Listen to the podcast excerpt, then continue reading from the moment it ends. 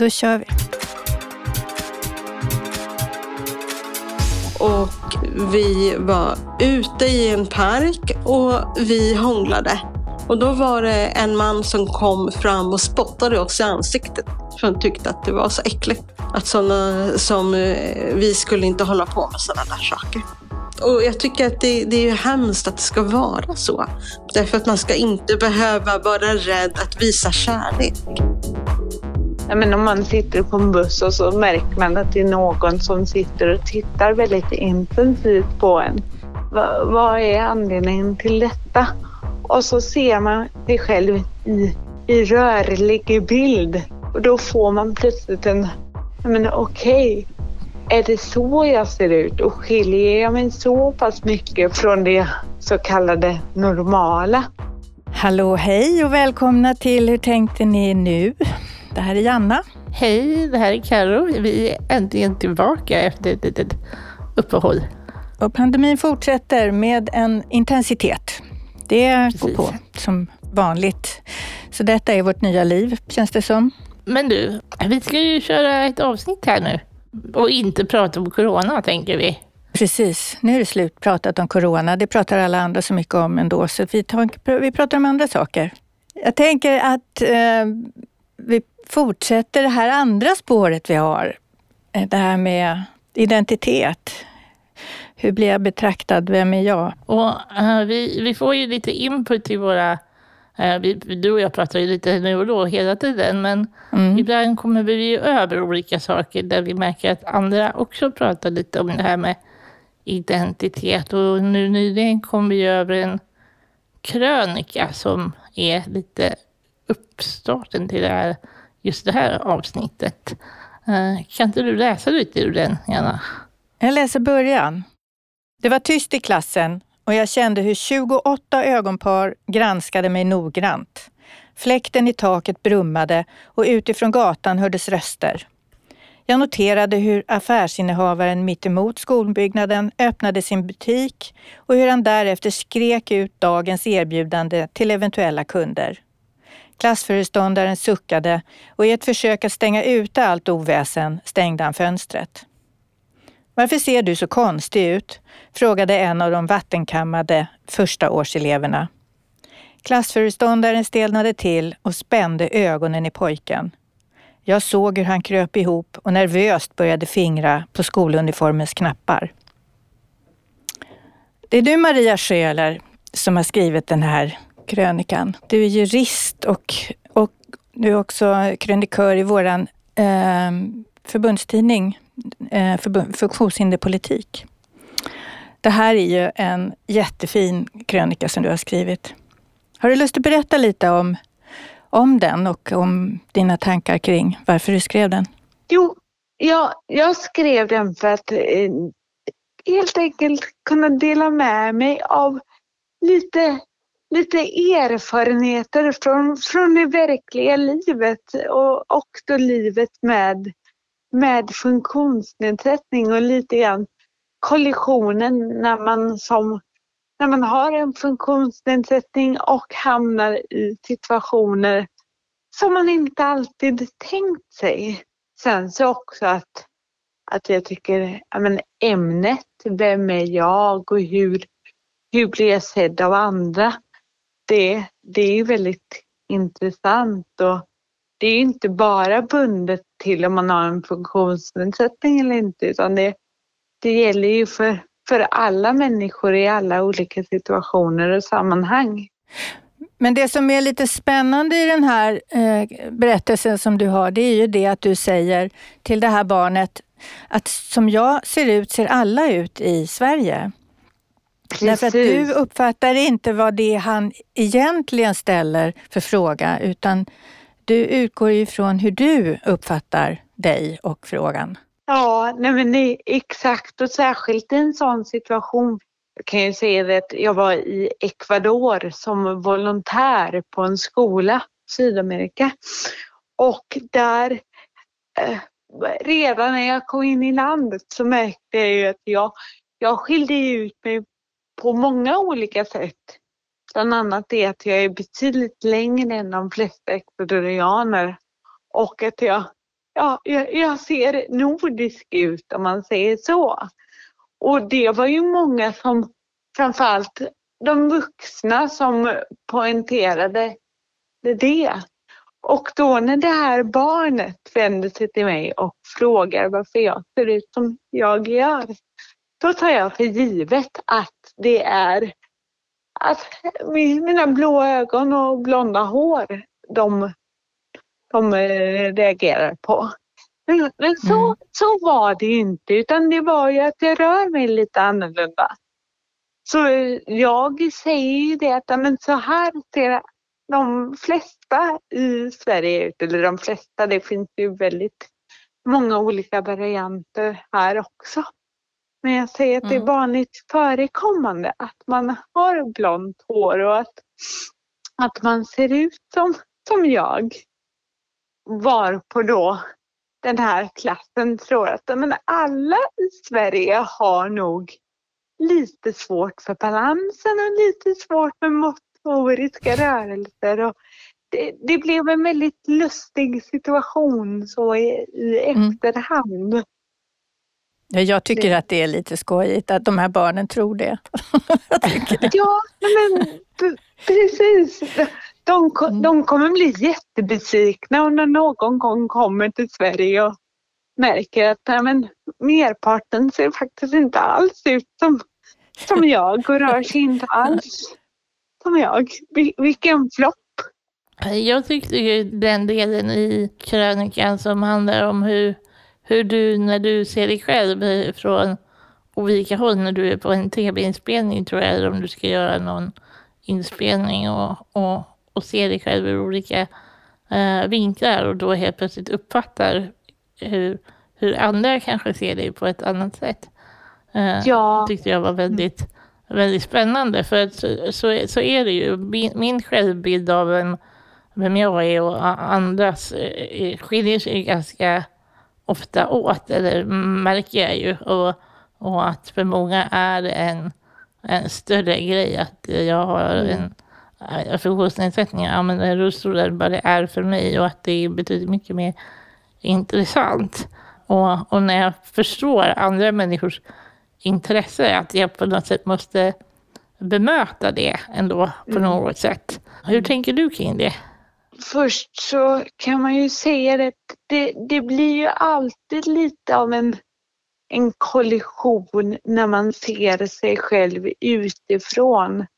Och just det här ser, faktiskt ser vad andra kan se. Och där kan jag tycka att, men lite grann att det kan få en förståelse att ibland om, menar, om man sitter på en buss och så märker man att det är någon som sitter och tittar väldigt intensivt på en. Så kan man ju undra, vad, vad är anledningen till detta? Och så ser man sig själv i i rörlig bild. Och då får man plötsligt en, men okej, okay, är det så jag ser ut och skiljer jag mig så pass mycket från, från det så kallade normala? Så, så jag, jag kan tycka att det, att det är bra så tillvida att man faktiskt får, får en ökad förståelse för hur, hur omgivningen ser en. Och där tror jag också att det är väldigt olika, men har man, har man ett något diffust rörelsemönster, när, det, när, det, när man ser att det är något men man kan inte riktigt identifiera vad det är, då tror jag att det är svårare för, för omgivningen att förstå. Eller min, min känsla är i alla fall så. Sitter man i i rullstol eller saknar man en, en kroppsdel, ben eller arm eller vad det nu kan vara, men då, då blir det så uppenbart. Men tar man ett felsteg någon gång ibland eller ja, pratar man lite avvikande, det, det blir så, så diffust.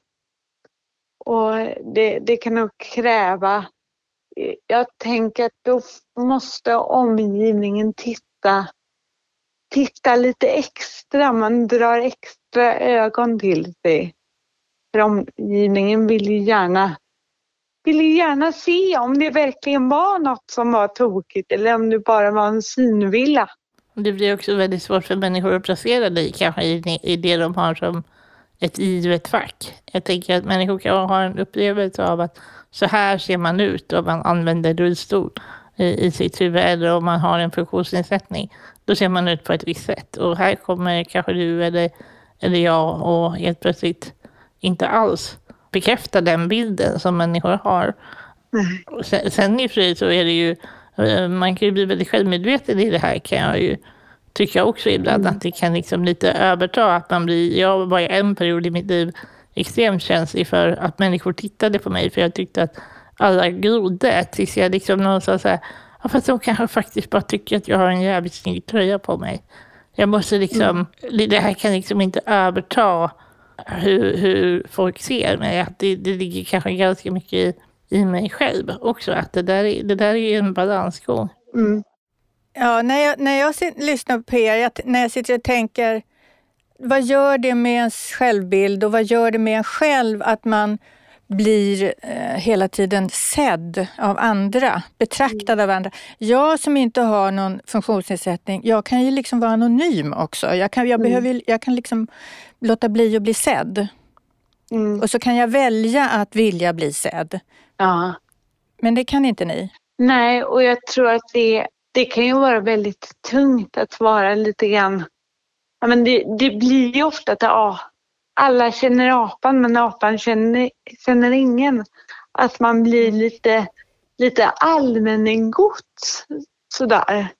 Man, man blir sedd och man blir uppmärksammad och folk, folk vet vem jag är. Inte för att de har pratat med mig och inte för att vi på något sätt har någon, någon relation så men, men man har sett mig. Och klart att det kan, det kan ju vara jätteproblematiskt och väldigt tungt. Och framförallt, det, det beror ju också på var i livet man, man befinner sig. Ser man på tonåren så kan ju det vara, vara mer känsligt än, än mm. senare. Och även Precis.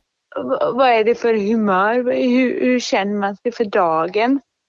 För, för det kräver ju alltid att vara man måste ju vara lite, lite rustad och man måste ju tåla blickar och man måste tåla i, i viss mån också kommentarer och frågor.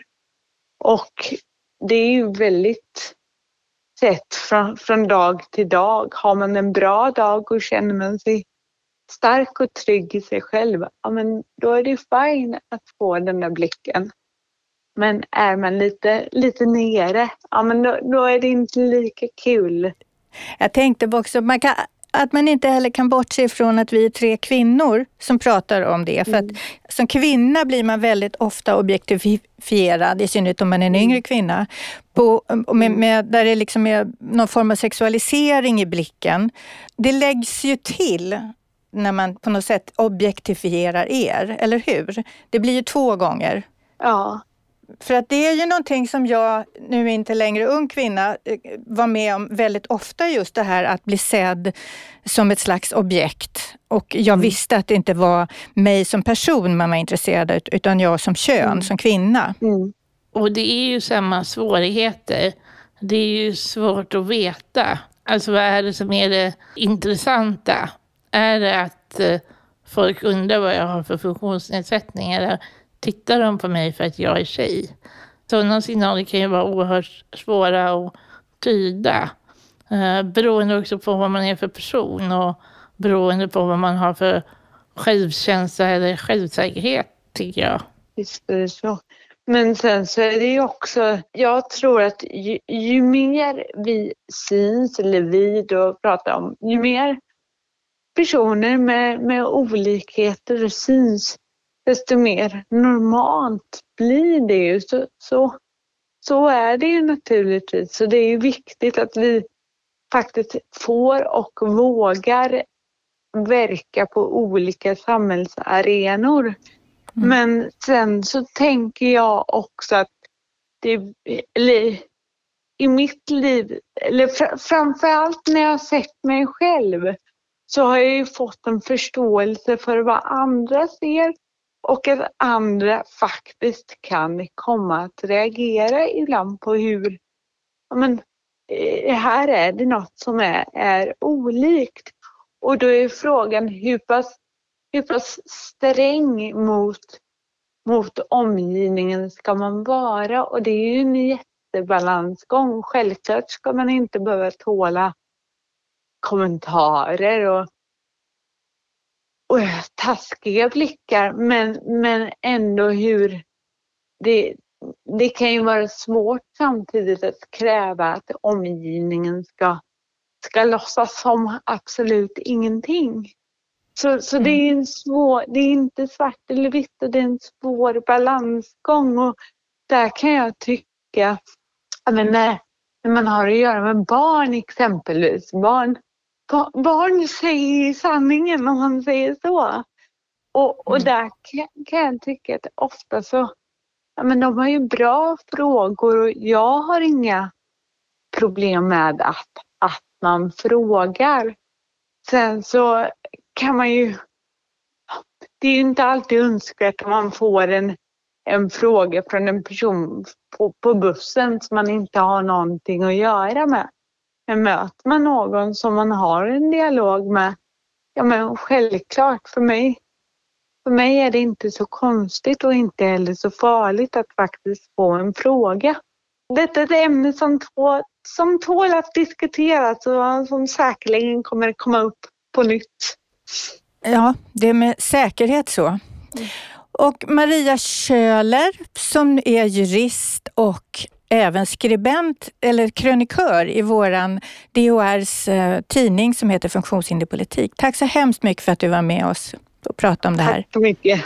Tack själv. Eh, det här med att eh, man i och med att man har en funktionsnedsättning på något sätt blir allmän representant för personer, alla personer med funktionsnedsättning i, i relation till andra människor kan man ju lätt känner att folk tycker att de har uh, rätt att fråga och vara nyfikna och så utifrån om det är, ett, um, om det är en uppenbar funktionsnedsättning.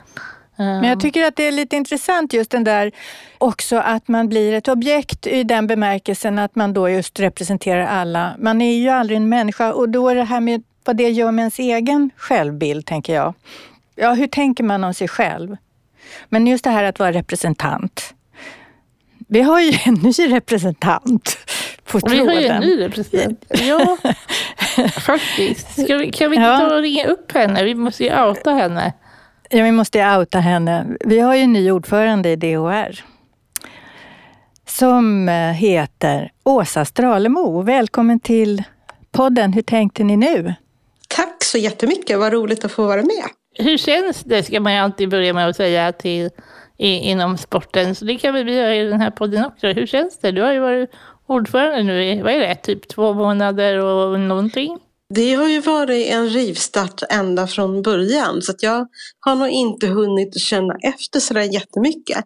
Men hittills så har det ju varit både lärorikt och roligt och jag tycker att det känns jättebra än så länge. Men framförallt så är jag jätteglad över att fått det här stora förtroendet för det är ingenting som jag någonsin har sett som självklart. Men eh, det känns bra. Kul. Kul, det tycker vi med. Vad roligt. Men du är ju nu då representanten för mm. personer med fysisk eh, funktionsnedsättning.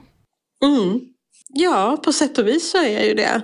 Eh, men jag tycker ändå att det, jag är ju representanten, för, ansiktet utåt för en förbund.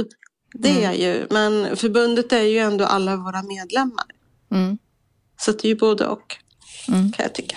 Har, har, du upplevt det här som vi nämnde här lite i början om att, eh, att det är svårt att när man har en nedsatt rörelseförmåga och veta om nu, nu är jag mig själv eller nu eh, förväntar sig folk att jag ska representera och vara villig att prata om det som rör personer med funktionsnedsättning per automatik, bara för att jag har en funktionsnedsättning själv. Ja, jag tycker att det är antingen eller på något sätt. Att antingen så blir man inte sedd som en person alls, man blir sedd som en rullstol. Eller så är det också väldigt ofta att man får frågor som är helt over the top nästan integritetskränkande eller som faktiskt kan vara det. Att vem som helst kan fråga vad som helst för att man är nyfiken helt enkelt. Och inget av det är ju bra för det blir ju att man blir exotifierad på något sätt istället för att bli sedd som en människa som vem som helst. Vi har pratat om det, Karo och jag, rätt mycket just det där med att jag får ju aldrig den typen av frågor som jag vet att Karo kan få. Eh, som just är många gånger kränkande frågor som man aldrig skulle ställa till mig. Som jag tycker att Karo hade ett väldigt bra svar, just det där att varför ställer du mig den frågan? Det är ju inte mitt problem, det är ditt problem att du har problem mm. med, mig, med vad du ser hos mig. typ så. Och det är lite att man kan hälla ur sig precis vad som helst mm. till en person som använder rullstol till exempel. Mm. Vilket jag tycker är... Ja, jag tror att vi har haft det uppe flera gånger i podden, hur människor kan bete sig. Ja, och det jag nästan tycker är svårast att hantera när det gäller det, det är att man inte förstår att man gör fel. Nej. Utan, eh, men jag är ju bara nyfiken. Ja. Mm. Eh, mm. Och nyfiken får man vara, men man måste ändå hitta någon slags timing och balans för att faktiskt, eh, när det lämpar sig, att ställa en fråga. Ibland kan det ju vara så att man faktiskt behöver ställa Eh, en fråga för att det inte ska bli fel i hela situationen. Eh, men bara eh, när man första gången träffar någon och frågar vad har du gjort eller mm. har du känsel eller hur gör du det där? Mm. Det hade man ju inte frågat vilken annan Nej. person som helst som man hade mött. Nej. Vi vill ju prata med dig dels för att du är ordförande men också för att du gjorde ju någonting som är helt eh, fullkomligt normalt att göra, det vill säga att du äh, gifte dig och du tog bröllopsfoton när du gjorde det. Mm. och det var ju jättefina foton. Uh, och, men du fick ju väldigt märkliga reaktioner. Kan inte du berätta om det? Jo, eh, jag och min man vi fick i bröllopspresent av en konstnärlig fotograf våra bröllopsfoton. Det som ingick i det hela var att vi skulle ta mera, några mera klassiska foton där man står uppställda. Men sedan så ville hon ha eh, foton som faktiskt visar våra känslor för varandra. Att inte dölja någonting utan det är ju fortfarande så att de är inte på något sätt utmanande eller oanständiga eller hur man ska säga. Vi har våra bröllopskläder på oss. Men det är en bild då han alltså sitter i mitt knä och eh, pussar på mig och man ser i våra blickar våran passion för varandra. Mm. Och den bilden la vi ut på Facebook. Eh, och det blev ett himla rabalder kring den där bilden. Att det var äckligt, att bara, sånt ska man inte visa och att eh, det var oanständigt. Och det gick till och med så långt att det var folk som var på min vännerlista som tyckte att bilderna var så obehagliga att de avvänade mig och min man från Facebook. Och de har inte velat ha kontakt sedan dess, vill inte ens diskutera i det. Så att kunna visa känslor som har en eh, sexuell laddning Eh, det är fortfarande kontroversiellt fast vi lever på 2000-talet. Mm. Om man har en rörelsenedsättning eller ena parten har i alla fall. Och, det, och jag tycker det här är så spännande för både jag och Janna har ju sett de här bilderna och eh, ni som följer Åsa kanske, kanske ser dem på hennes Facebook då.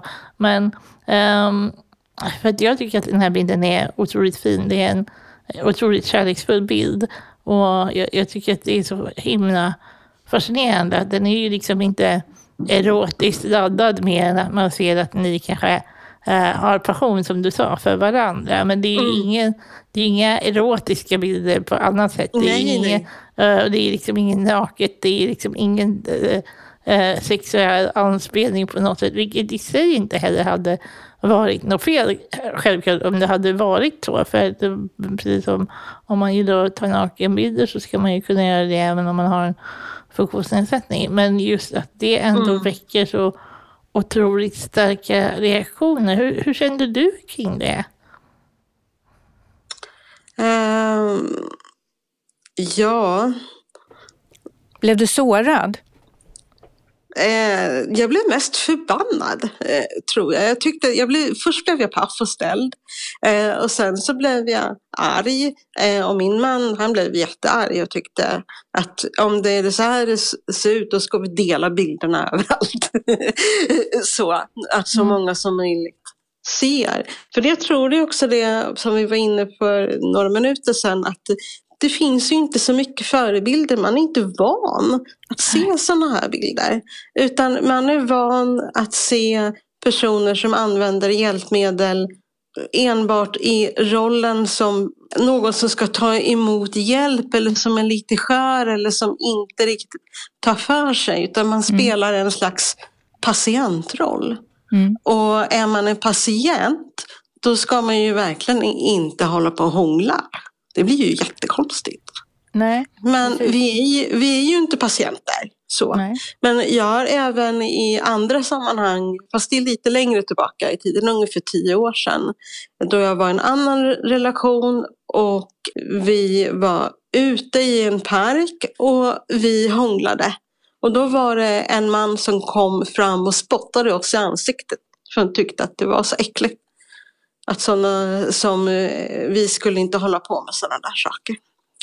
Så att ja, det är att visa känslor öppet, det kan ha sitt pris. Men eh, och jag tycker att det, det är hemskt att det ska vara så.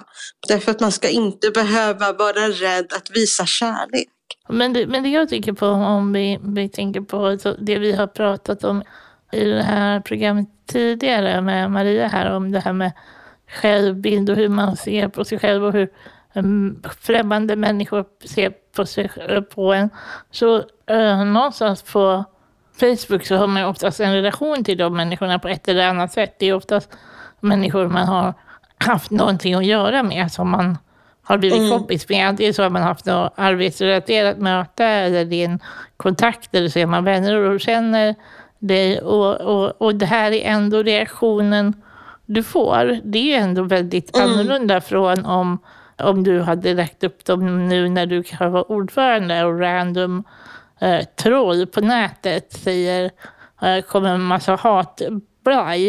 Eh, det, det tycker jag ändå är en så otroligt skillnad någonstans i det här och också ta och visa på hur, hur otroligt svårt det är att faktiskt någonstans få utrymme att vara sig själv när man har en funktionsnedsättning. Ja, därför att man är alltid iakttagen och man är alltid bedömd på något sätt. Ibland för att folk är nyfikna, men ibland också för att många tycker, omedvetet säkert, att det finns en speciell roll som vi ska spela. Och om mm. man då inte följer det manuset, då blir folk provocerade. Ja, nej, men jag tycker att det här är, eh, det är väldigt eh, intressant och väldigt, eh, någon, eh, jag vet inte, man kan bli lite över, överrumplad av människors eh, känslor och tankar och, och okunskap, skulle jag säga. Men det är ju ändå en start att prata om det. Och därför är ju den här avsnittet i podden så viktigt. Att om vi vågar prata om det, för jag tror inte att jag på något sätt är ensam, Nej. så kan vi göra mer folk medvetna och då har mm. vi en början. Mm. Mm. Det är alltid att prata som är första steget. Ja, men vad jättebra att du fick, eh, kunde vara med oss och prata. Kul! Och det är kul att du nu är förbundsordförande för DHR, Åsa Stralemo. Ha det gott så hörs och ses vi snart. Det gör vi. Hej då! Hej!